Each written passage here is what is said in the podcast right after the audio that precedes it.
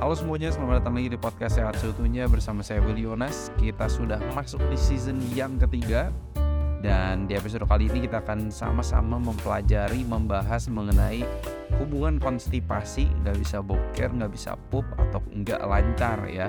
Hubungan dengan penyakit jantung dan juga tekanan darah tinggi. Ini sebuah kondisi yang mungkin nah, banyak dialami orang tapi mereka nggak ngeliat kalau ini tuh bisa meningkatkan resiko penyakit jantung dan juga uh, tekanan darah tinggi. Kenapa? Contohnya kalau misalnya kita ini konstipasi, kita kan suka ngeden kalau lagi buang air besar nih ya. Dan dan ketika kita lagi ngeden ini itu tekanan darah kita itu meningkat dan ini yang harus sangat hati-hati. Banyak juga ngobrol sama teman-teman perawat yang ada di rumah sakit di mana saya bekerja mereka suka menemukan gitu pasien-pasien yang punya penyakit jantung udah dikasih tahu dokter jantung nggak boleh ngeden dan lain-lain. Di kamar mandi sering aja kejadian ada yang serangan jantung mendadak dan dan meninggal. Dan ini ini sedih gitu. Uh, sebenarnya sesuatu yang emang benar-benar perlu diperhatikan. Uh, apakah kita ngeden atau enggak ketika kita buang air besar. Dan ketika kita ngeden dan ada tekanan yang naik ini kondisinya namanya valsalva maneuver Valsalva maneuver ini ketika kita itu menahan nafas kita dan akhirnya kita ngeden gitu kan. Dan ini tuh meningkatkan tekanan yang ada di uh, rongga dada dan juga rongga perut. Dan ini meningkatkan tekanan darah secara temporari. Ya tekanan darahnya meningkat hanya uh, secara temporari nggak nggak nggak selanjutnya. Cuman Walaupun temporari kalau buat orang-orang yang sudah punya penyempitan pembuluh darah ini kan menjadi concern atau penyakit jantung atau kondisi jantung yang tertentu. Dan ketika kita ini uh, ngeden ya valsalva manuver ini terjadi, aliran darah ke jantung itu berkurang oleh karena adanya tekanan di di rongga dada kita dan ini akhirnya mengurangi jumlah darah yang dipompa dan akhirnya ini tekanannya meningkat ini jadi cukup cukup problematik gitu. Dan ini dari data-data penelitian yang udah saya coba review ini dari tahun 2019 dari jurnal Clinical Hypertension melihat bahwa memang konstipasi ini adalah salah satu resiko dari penyakit kardiovaskular. Dan mereka sering menemukan penyakit pasien-pasien yang atau orang-orang yang punya penyakit kardiovaskular itu cenderung konstipasi ya constipated jadi ini perlu sangat-sangat di, diperhatikan, sangat-sangat perlu diperhatikan.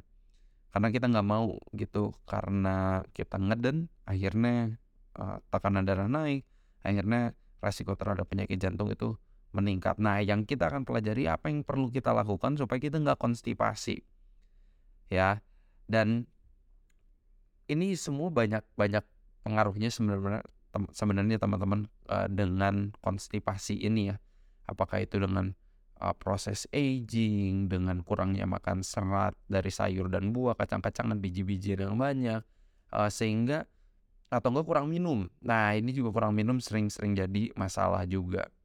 Ini ada beberapa penelitian yang cukup menarik dari penelitian pertama dari Jepang. Mereka mengobservasi 45.000 orang. Mereka melihat orang-orang yang buang air besarnya hanya satu kali dalam 2 sampai 3 hari, resiko penyakit kardiovaskularnya itu meningkat. Dan juga 4 ini sekitar di Jepang juga sekitar 47% dari pasien penyakit jantung itu konstipasi. Jadi cukup cukup besar gitu presentasenya. Ini penelitian juga dari Jepang ini cukup menarik. Mereka melihat bahwa di orang-orang tua ketika mereka itu ngeden pas lagi buang air besarnya ini tekanan darah bisa meningkat gitu. Bisa bisa sangat meningkat. Bahkan ada yang meningkat antara 15 sampai 29 mmHg jadi ini cukup cukup tinggi gitu. Ketika kita ngeden uh, lagi pup nih di orang-orang tua ya penelitiannya di di Jepang. Sebelum kita balik ke podcast kita ada satu platform namanya Utuh buat teman-teman yang bingung mau mulai gaya hidup sehat ini dari mana sih? Saya ngelakuinnya bener atau enggak sih? Teman-teman bisa konsultasi langsung sama para ahlinya. Teman-teman bisa cek instagram kami at utuh.health atau website kami utuhhealth.com anyway let's get back to the podcast.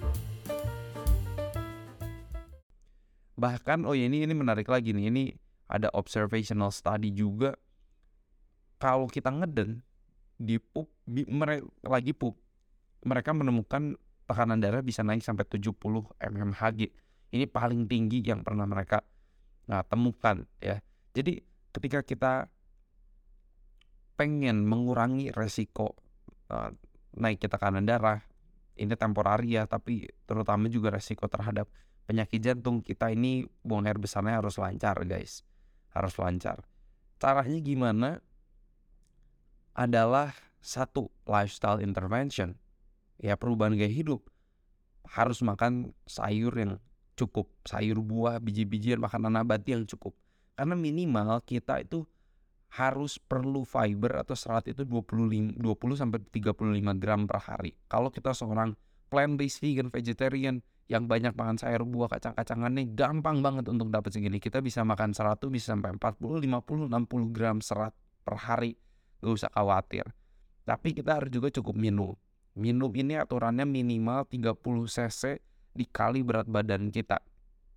Ya, minimal minimal seperti itu. Dan kalau teman-teman olahraga banyak keringat nih ini kebutuhan airnya pastinya juga akan akan meningkat. Tapi buat orang-orang yang mungkin sudah ada penurunan fungsi ginjal, masalah jantung juga tertentu, biasanya kadang dokter juga ada restriksi dari jumlah cairan. Itu juga perlu diperhatiin buat teman-teman yang mungkin kondisinya juga sudah sudah berbeda ya.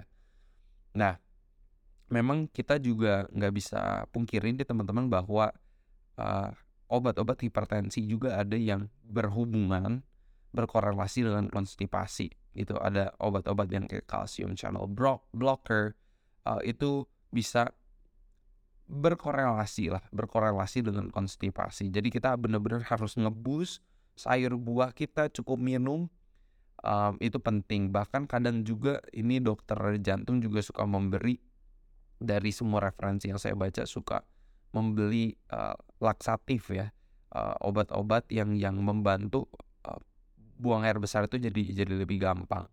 Ada beberapa yang disarankan juga yang bisa dicoba, teman-teman bisa coba perbanyak minum chia seed, flax seed atau enggak juga psyllium husk. Ketika teman-teman campur itu dengan jus atau air minum yang teman-teman makan atau bikin smoothies itu juga bisa membantu pencernaan lebih lebih lancar. Teman-teman kalau teman-teman ada yang konstipasi selama ini susah buang air besar, nggak rutin, bisa buang air besarnya satu kali dalam 2-3 hari, teman-teman perlu concern banget soal ini. Perlu perlu concern karena ketika peredaran, ketika buang air besar kita lancar, kita ini bisa men mengurangi resiko terhadap uh, tekanan darah yang meningkat secara temporari, terutama ketika kita sudah punya penyakit uh, kardiovaskular. Yang terakhir, tips terakhir adalah teman-teman juga perlu membuat environment lingkungan dari kamar mandi itu nyaman.